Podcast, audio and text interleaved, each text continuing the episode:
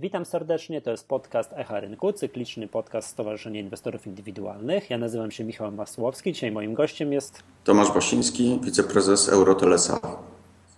Witam serdecznie, panie prezesie. E, prosiłbym, mm, żeby pan na początku tej naszego nagrania opowiedział chwilę, czym zajmuje się spółka Eurotel, jakie są główne przychody spółki, gdzie spółka, skąd spółka czerpie, czerpie zyski, czyli na, na czym polega działalność spółki Eurotel. E, jest w ogóle grupa Eurotel, to może też warto powiedzieć też o spółkach, które tworzą grupę, ale zacznijmy faktycznie od Eurotelu jako jednostki dominującej.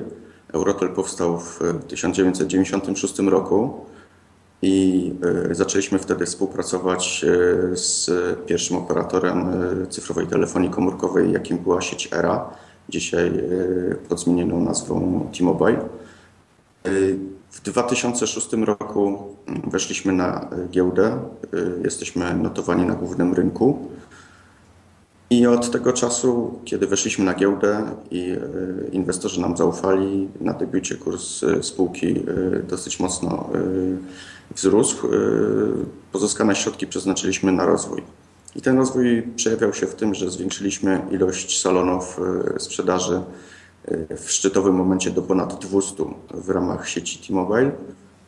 I mieliśmy też pieniądze na to, żeby e, rozwinąć e, inne biznesy w ramach grupy już Eurotel, kupując udziały w, spółkach, w jednej, która się zajmuje współpracą z operatorem Play, gdzie również jesteśmy liderem na rynku, mając ponad 100 salonów sprzedaży i Druga spółka to jest spółka, która się zajmuje mm, takim kanałem telesprzedaży, y, posiadającym na dzień dzisiejszy 200, ponad 200 stanowisk do obsługi właśnie y, call center i telesprzedaży.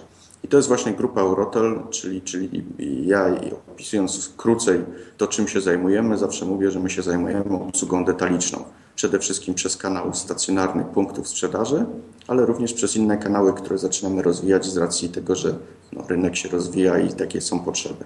No dobra, ale tak, żebyśmy tu, może nie wszyscy nasi słuchacze mają być świadomi, czym Państwo dokładnie się zajmują. Państwo jesteście, mają punkty sprzedaży T-Mobile, y, operatora T-Mobile i teraz od pewnego czasu operatora Play. Znaczy to od, operatora Play e, od 2009 roku, także mhm. sporo czasu już minęło, ale, ale e, no, sama współpraca polega na tym, że, że mając sieć punktów sprzedaży, oferujemy usługi danego partnera, w tym przypadku operatora telekomunikacyjnego. Mamy jeszcze operatorów telewizji satelitarnej, jak NC+, to mamy 70 takich punktów sprzedaży, które e, w naszej sieci, niezależnie od tych punktów operatorskich, e, sprzedają usługi e, tego dostawcy. I, I, obsługa, no cóż, no, polega na tym, że, że klienci, którzy, którzy chcą zapoznać się, a później nabyć usługi danego operatora, odwiedzają nasze punkty i staramy się obsłużyć jak najlepiej. Podpisujemy z nimi umowy i za te umowy dostajemy odpowiednie wynagrodzenie. No właśnie, to zapytam, w jaki, a w jaki sposób są rozliczane te usługi sprzedaży produktów nie wiem, z, z operatorami? Nie jest to e, zbyt e, prosty e, mechanizm, zwłaszcza, że on się jeszcze lubi zmieniać i to w ostatnim czasie dosyć nie tylko regularnie, ale i często.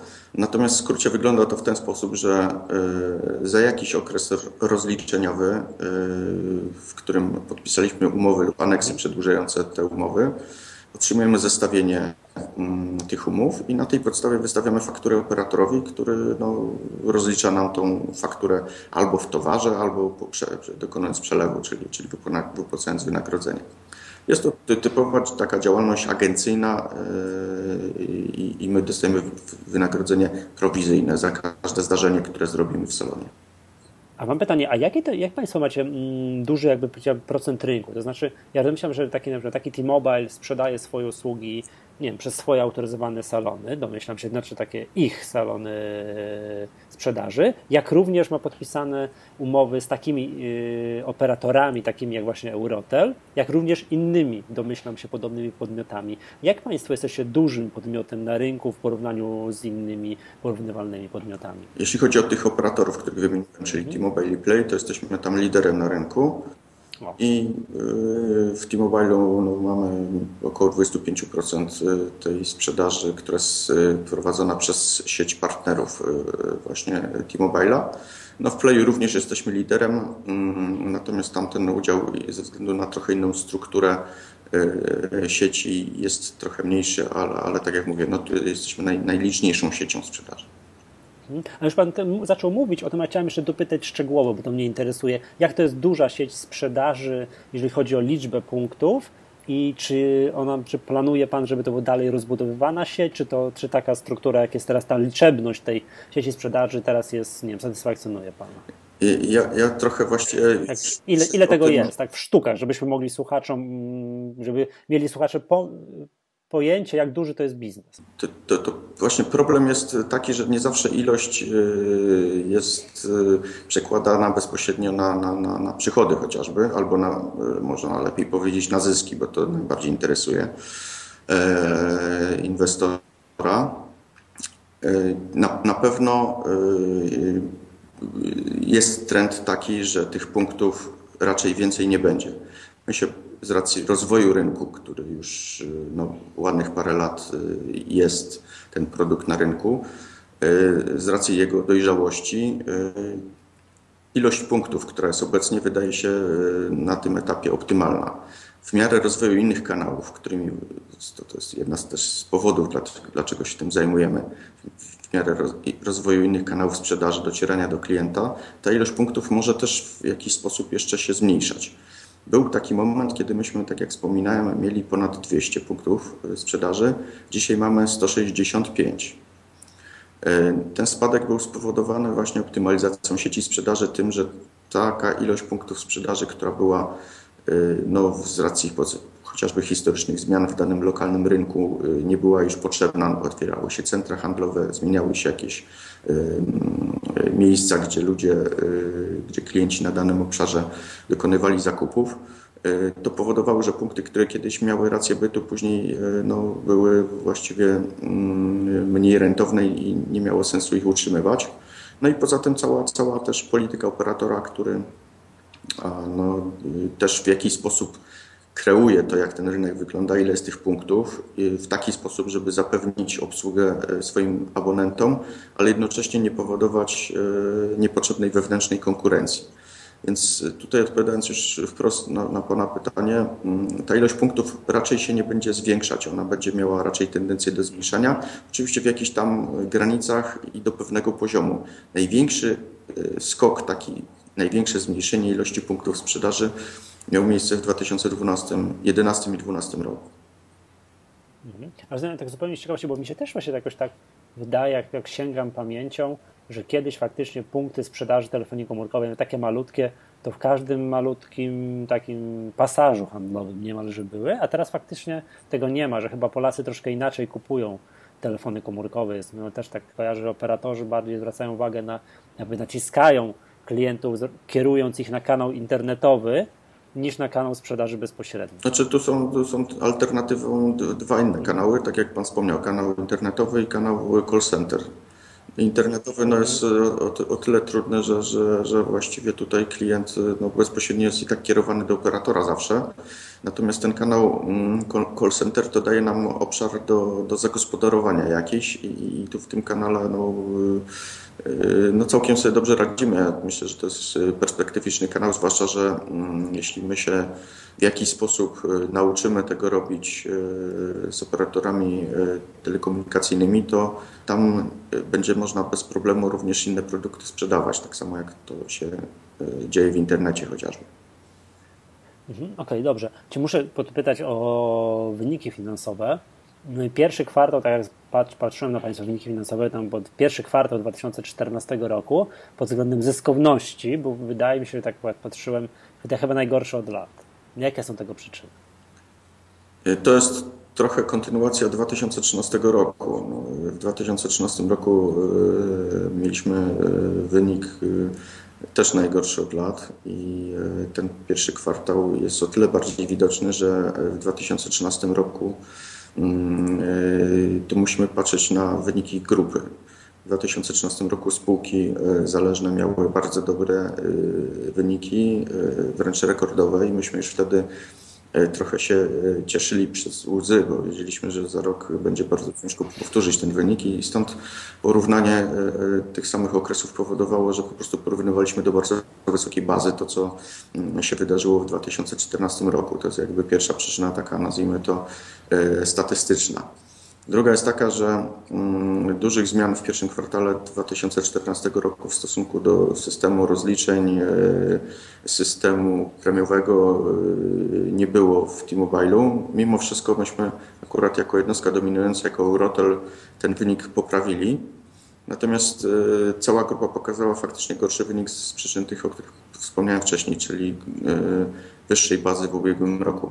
W przypadku Playa, czyli tej spółki Viamind, która jest e, w grupie, mm, tutaj problem e, właściwie nie występuje. On jest faktycznie typowo arytmetyczny. Tam się nic złego nie dzieje w sensie takim, że te przychody są zgodne z trendem na rynku w ramach tego operatora. Natomiast w przypadku Media System, no, tutaj e, to, co się wydarzyło w pierwszym kwartale, a, przypominam, że my tą spółkę konsolidujemy dopiero w 2013 roku, mm, to spowodowało, że yy, znaczy ten, wynik, który oni wy, wygenerowali, to, to nie był wynikiem no, nas satysfakcjonującym i dokonaliśmy dużych zmian organizacyjnych, które no, w drugim kwartale yy, mam nadzieję już widzę to, będą e, powodowały, że wrócimy do wyników, które pokazywaliśmy w pierwszym półroczu 2013 roku. No i właśnie chciałem tylko zapytać, no nie wiem, jakie w kontekście tego, co Pan powiedział, jakie są perspektywy wyniku na cały 2014 rok? My, jak i ci inwestorzy, którzy czytają nasze raporty, to wiedzą, nie publikujemy prognoz, ale y, możemy porozmawiać o tym, jakie są no, ale tak między nami, to nikt, nikt się nie dowie. Tak, tak, tak. Oczywiście, ja jestem pewien, że to będzie między nami, dlatego sobie pozwolę na to, żeby odpowiedzieć na to pytanie. E, będziemy mieli e, rok, w którym no, będziemy niestety odrabiali pierwsze półrocze w drugim półroczu. Z tym, że tutaj akurat w przeciwieństwie do 2013 roku mm, ja z perspektywy zarządu widzę tą perspektywę w jaśniejszych barwach niż e, w ubiegłym roku, kiedy właściwie myśmy e, nie, wiedzieli, co się wydarzy za kwartał albo jakie są plany e, mm, operatora dotyczące, nie wiem, zmian i, i, i w związku z tym poprawy naszej sytuacji ekonomicznej.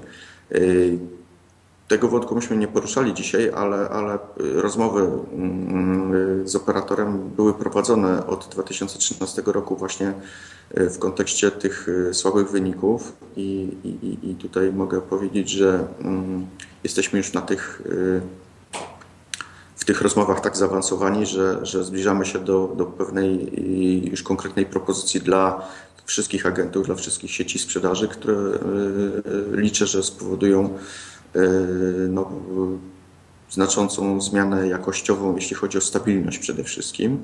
A to był jeden też z e, no, problemów naszych codziennych. I e, to, to, w ramach T-Mobile'a, który mówiąc kolokwialnie najbardziej pociągnął w dół wynik 2013 roku, będzie miało no, kolosalne znaczenie. W Media System, tak jak wspomniałem, no, te zmiany, które wprowadziliśmy, E, można powiedzieć, że były pewnego rodzaju, no, ponieśliśmy koszt nauki i mam nadzieję, że już e, wiemy tyle, żeby takich błędów nie popełniać w przyszłości. To były błędy po prostu no, dotyczące specyfiki tej branży i umiejętności poruszania się w tym świecie, nazwijmy to kanału e, takiego telesprzedaży.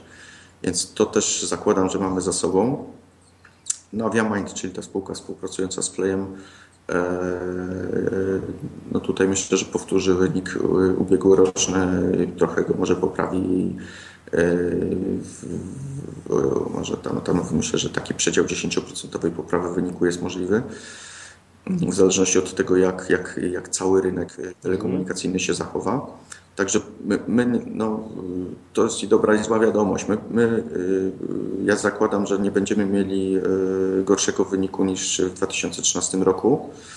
A o ile on będzie lepszy, no to jest pytanie, jak mocno nam się uda mm, wprowadzić y, te zmiany z operatorem T-Mobile przede wszystkim, to znaczy po pierwsze kiedy i po drugie na czym one dokładnie będą mogły polegać, bo my znamy dzisiaj już metodę, ale nie znamy jeszcze szczegółów, które będą wpływały już konkretnie na te wyniki. Mhm. Tak patrzę jeszcze, bo tak jakby miał esencję wyciągnąć mm, z Pana wypowiedzi, to tak nie wiem, czy proszę wybrać mnie z błędu, jeżeli źle myślę, że to jest takie poszukiwanie stabilności. Przewi stabilności i przewidywalności wyniku. Dobrze, dobrze, dobrze rozumiem jakby cały ten tok Pana wypowiedzi. I tak i nie. Niestety tutaj e, są, są, są właśnie dwa, dwa, dwa wątki. Pierwsze to jest taki, ile pieniędzy zarobimy i to jest jakby e, coś, co ja już odpowiedziałem. Tak? Zakładamy, że poprawimy wynik 2013 roku, ale dzisiaj, e, kiedy jesteśmy w przededniu niemalże wprowadzenia zmian, które no wejdą prawdopodobnie, znaczy no, no prawie że na, na, na pewno wejdą w trzecim kwartale, tylko nie wiadomo, czy jeszcze w lipcu, czy, czy w sierpniu dopiero to, to wpłynie na wynik. Natomiast stabilność to jest to coś, co jakby bardziej mm, jest moją bolączką, bo, bo ja mam problem jako zarządzający z tym, że działam w takim otoczeniu, które jest zmienne i to nie otoczenie jakby, które jest y, y, otoczeniem związanym z, z, z moimi klientami, tylko bardziej z moimi partnerami handlowymi, i, którzy są głównymi moimi dostawcami zleceń. W związku z czym no to jest y, coś, z czym ja się borykam. Każdy ma swój krzyż, ale to ja, ja nie chciałbym być odbierany jako ktoś, kto narzeka. No, taka jest specyfika naszej branży. Natomiast kiedy my wyeliminujemy w jakiś sposób, chociaż częściowo, tą niepewność, to, to zarządzanie może być bardziej efektywne, ponieważ będzie bardziej no, e, skierowane na sprzedaż niż na zapewnienie pewnej stabilności wewnątrz spółki. Ale to tak jak mówię, to już jest kuchnia, mhm. która jakby na końcu inwestora nie interesuje, go inwestuje. Nie, inwestora bardzo interesuje. No to, to, to, to, się cieszę, że, że, że to jest w obszarze zainteresowania. Nie, tak no dobrze, ale ja się mi tak właśnie, no dobrze, ale zadam pytanie w takim razie to, co inwestora, już w szczególności indywidualnego, interesuje najbardziej. Kiedyś tak słyszałem, rozmawiałem z kilkoma zarządzającymi i jest tak, że jak przychodzi do zarządu inwestor instytucjonalny, to pyta o różne rzeczy, rentowności, wskaźniki, przychody i tak a jak przychodzi inwestor indywidualny, to pyta tylko o jedną rzecz, o dywidendę, to ja teraz zachowam się jak klasyczny inwestor indywidualny, panie prezesie, to jak to z tą dywidendą w kontekście wszystkiego, co pan powiedział, bo no jak patrzę historycznie, to państwo zawsze, mm, no w szczególności tam w ostatnich latach wypłacali dywidendę bardzo fajną, patrząc tutaj, nie wiem, oceniając ją na przykład poprzez stopę dywidendy, to na tle rynkowym Państwo mieliście zawsze no, bardzo, bardzo, bardzo fajną tą stopę dywidendy i chciałem zapytać się, czy, czy uda się utrzymać ją w dalszych latach? A no, z dywidendą mieliśmy super faktycznie, zawsze. Ja to mówię też jako e, udziałowiec, więc... E, A to jak pan udziałowiec jest tym bardziej. To, to, to, to jest moja wielka radość. No, dla przypomnienia, co roku wypłacaliśmy dywidendy i faktycznie one co roku rosły i w ostatnich latach te stopy dywidendy to, to, to oscylowały wokół 9-10% nawet. Natomiast mm, no, polityka dywidendy się nie zmienia. Ona się nie zmienia, bo, bo zawsze spółka y, miała na celu wypłacanie y, dywidendy. Mm, y, zmienia się tylko to, co się dzieje w spółce, co jest jakimś odbiciem tych, tych czynników, o których wcześniej rozmawialiśmy. Znaczy wynik, który pokazaliśmy y, w 2013 roku był najgorszym wynikiem y, w historii y, powiedzmy tej, tej nazwijmy to publicznej życia spółki. I to na pewno wpływa w jakiś sposób na to, ile mamy pieniędzy do podziału.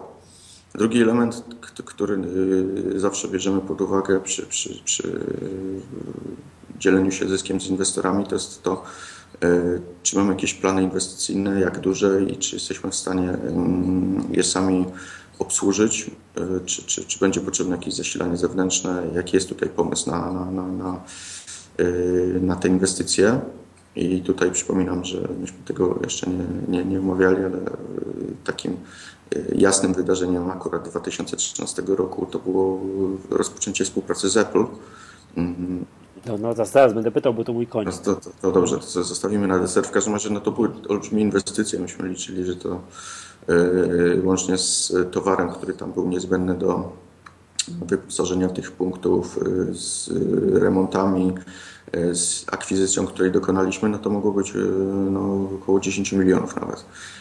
Dobrze, panie profesorze, I trzeci, trzeci element, jeszcze duże, kończąc no, wątek dywidendy, to no to jest, no pytam właśnie. Tak, to trzeci element, potrzeby kapitału, żeby mieć pieniądze, domyślam, są duże, z dywidendą. pieniądze, tak? żeby ją wypłacić, tak, a więc tutaj z racji tych inwestycji, e, które się zbiegły też z tą rekordową dywidendą, e, za, za 2012 rok myśmy wypłacili cały zysk prawie, Później były inwestycje, które pod koniec roku nieszczęśliwie się y, skumulowały na początku 2014 roku, więc tych pieniędzy w pierwszym kwartale było bardzo mało i stąd jakby też rekomendacja zarządu, która może być pewnego rodzaju zaskoczeniem, ale, ale to są twarde jakby też argumenty za tym, żeby taką rekomendację z punktu widzenia zarządzającego wydać. To znaczy y, w tym roku nie, nie, rekomendacja zarządu dla walnego jest, aby zysku, zysk zostaje w spółce. Oj, oj, oj, to już będzie lament. E, no tak, ale ten komunikat już jest od jakiegoś czasu na rynku, więc jakby myśmy też e, dyskutowali z instytucjami finansowymi na ten temat. Ich opinie poznawaliśmy. Tutaj no, trzeba patrzeć też w ten sposób, że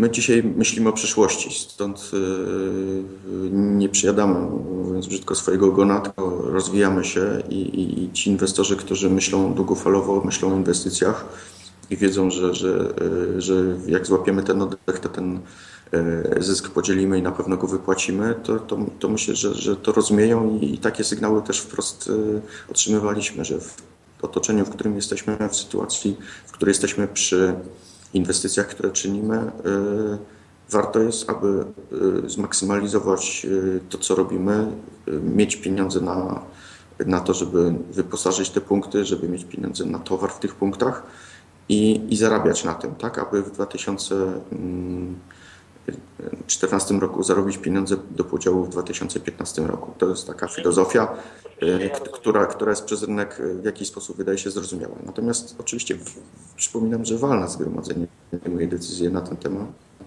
i walne zgromadzenie e, bierze albo nie bierze pod uwagę rekomendacji zarządu i spółka jak najbardziej będzie w stanie te pieniądze wypłacić, jeśli będzie taka, mm, e, taka, taka uchwała. Tylko no, tutaj będzie w jakiś sposób to wybór między, między tym, że mo, może się okazać, że my nie, nie będziemy inwestycji robić, które możemy zrobić od razu, tylko znowu zrolujemy w czasie. E, panie profesorze, no ja, ja, rozumiem jakby punkt widzenia zarządzającego, który raz na jakiś czas mówi, zostawiamy kasę w spółce, bo jest ona potrzebna na to, na to i na tamto, tak? bo są kapitałochłonne potrzeby inwestycyjne. Jakby to nie sprzedaje tylko punkt widzenia inwestora indywidualnego, którego nic tak nie przywiązuje do spółki, nic tak nie przyzwyczaja do spółki jak regularna wypłata. W Polsce i tak mamy takie coś, że no, taką kulturę wypłacania dywidendy raz na rok w Stanach Zjednoczonych jest mnóstwo spółek, które wypłaca dywidendy kwartalnie, a również jest grupa spółek, które wypłaca dywidendy miesięcznie. No ale to już są takie. To zależy spółki, od charakteru spółki też. Tak. Od charakteru spółki i od jakby y, fazy, w której ta spółka jest. Jak już spółka jest, nie wiem, ma kilkudziesięcioletnia, dojrzała i jest już taką klasyczną dojną krową, to wtedy może wypłacać częściej dywidendy. Okej, okay, no, ale ja, ja to, no, cóż, no, trzeba... Jakby tutaj nie mogę się powstrzymać, żeby nie skomentować o tyle, że no, chciałem jedną rzecz jakby tutaj y, nie tyle może sprostować, co, co, co zwrócić na nią uwagę, że my, my jesteśmy często traktowani jako tak zwana spółka dywidendowa. No z taką historią dywidendy tak. to ciężko nie być tak postrzegany. Tak, ale to ja, ja mogę powiedzieć, że, że e, spółka dywidendowa to zgodnie z taką czystą definicją to jest właśnie tak jak Pan wspomniał, spółka na pewnym poziomie dojrzałości, która ma taką stabilną branżę. Jeszcze parę elementów tam występuje, które powodują, że, że jest tak postrzegana, a nie inaczej. Natomiast no, w przypadku Eurotelu, który co roku pokazywał i grupy Eurotel wyższe, e, lepsze rezultaty e, ekonomiczne, e, co roku inwestował pieniądze w rozwój. Mm, nowe spółki się pojawiały w grupie, nowe aktywności, nowe branże to, to bym powiedział nawet tak, że to było pewnego rodzaju ewenementem, bo myśmy robili coś, czego spółka dywidendowa co do zasady, co do definicji nigdy nie powinna była robić. To jest jakby tytułem komentarza. Nie, oczywiście. To czasami inwestorzy żądają niemożliwego. Chcieliby inwestycji, wzrostu kursu i wysokiej dywidendy. No to nie zawsze, to nie, nie, nie zawsze się da, tak? Dobrze. Okej, okay. panie prezesie, to przejdźmy może do tego mojego konika, czy chciałbym pan, pana zapytać, e, no bo spółka no jakby dywersyfikuje, to widać, tak, różnego rodzaju e, no, źródła przychodów działalności i od pewnego czasu jesteście państwo autoryzowanym partnerem Apple'a i macie w Polsce sieć, która jest znana pod nazwą iDream. Czy mógł pan opowiedzieć o tym biznesie? To jest nasza y, własna marka. Y Współpracę rozpoczęliśmy w lipcu 2013 y, roku, więc y, tak dokładnie mówiąc pod koniec czerwca, więc za chwilę będą urodziny. Y, pierwsze, czyli jesteśmy noworodkiem na tym rynku. Natomiast no, z Applem mieliśmy taki kontakt już przez operatorów telekomunikacyjnych, bo, bo operatorzy mm, sprzedawali iPhony i iPady. I, i, I myśmy byli y, również w tym projekcie mm, jako, jako, jako sieć sprzedaży. Y, natomiast mm, współpraca z Applem mm, w jaki sposób y, jest też chęcią właśnie dywersyfikowania źródeł przychodów, ale również rozszerzeniem o, o IT tego, co robimy, bo myśmy dzisiaj sprzedawali, można powiedzieć, urządzenia mobilne, a w ofercie Apple są również no, komputery. I to jest jakby sieć punktów stacjonarnych i od tego zaczęliśmy.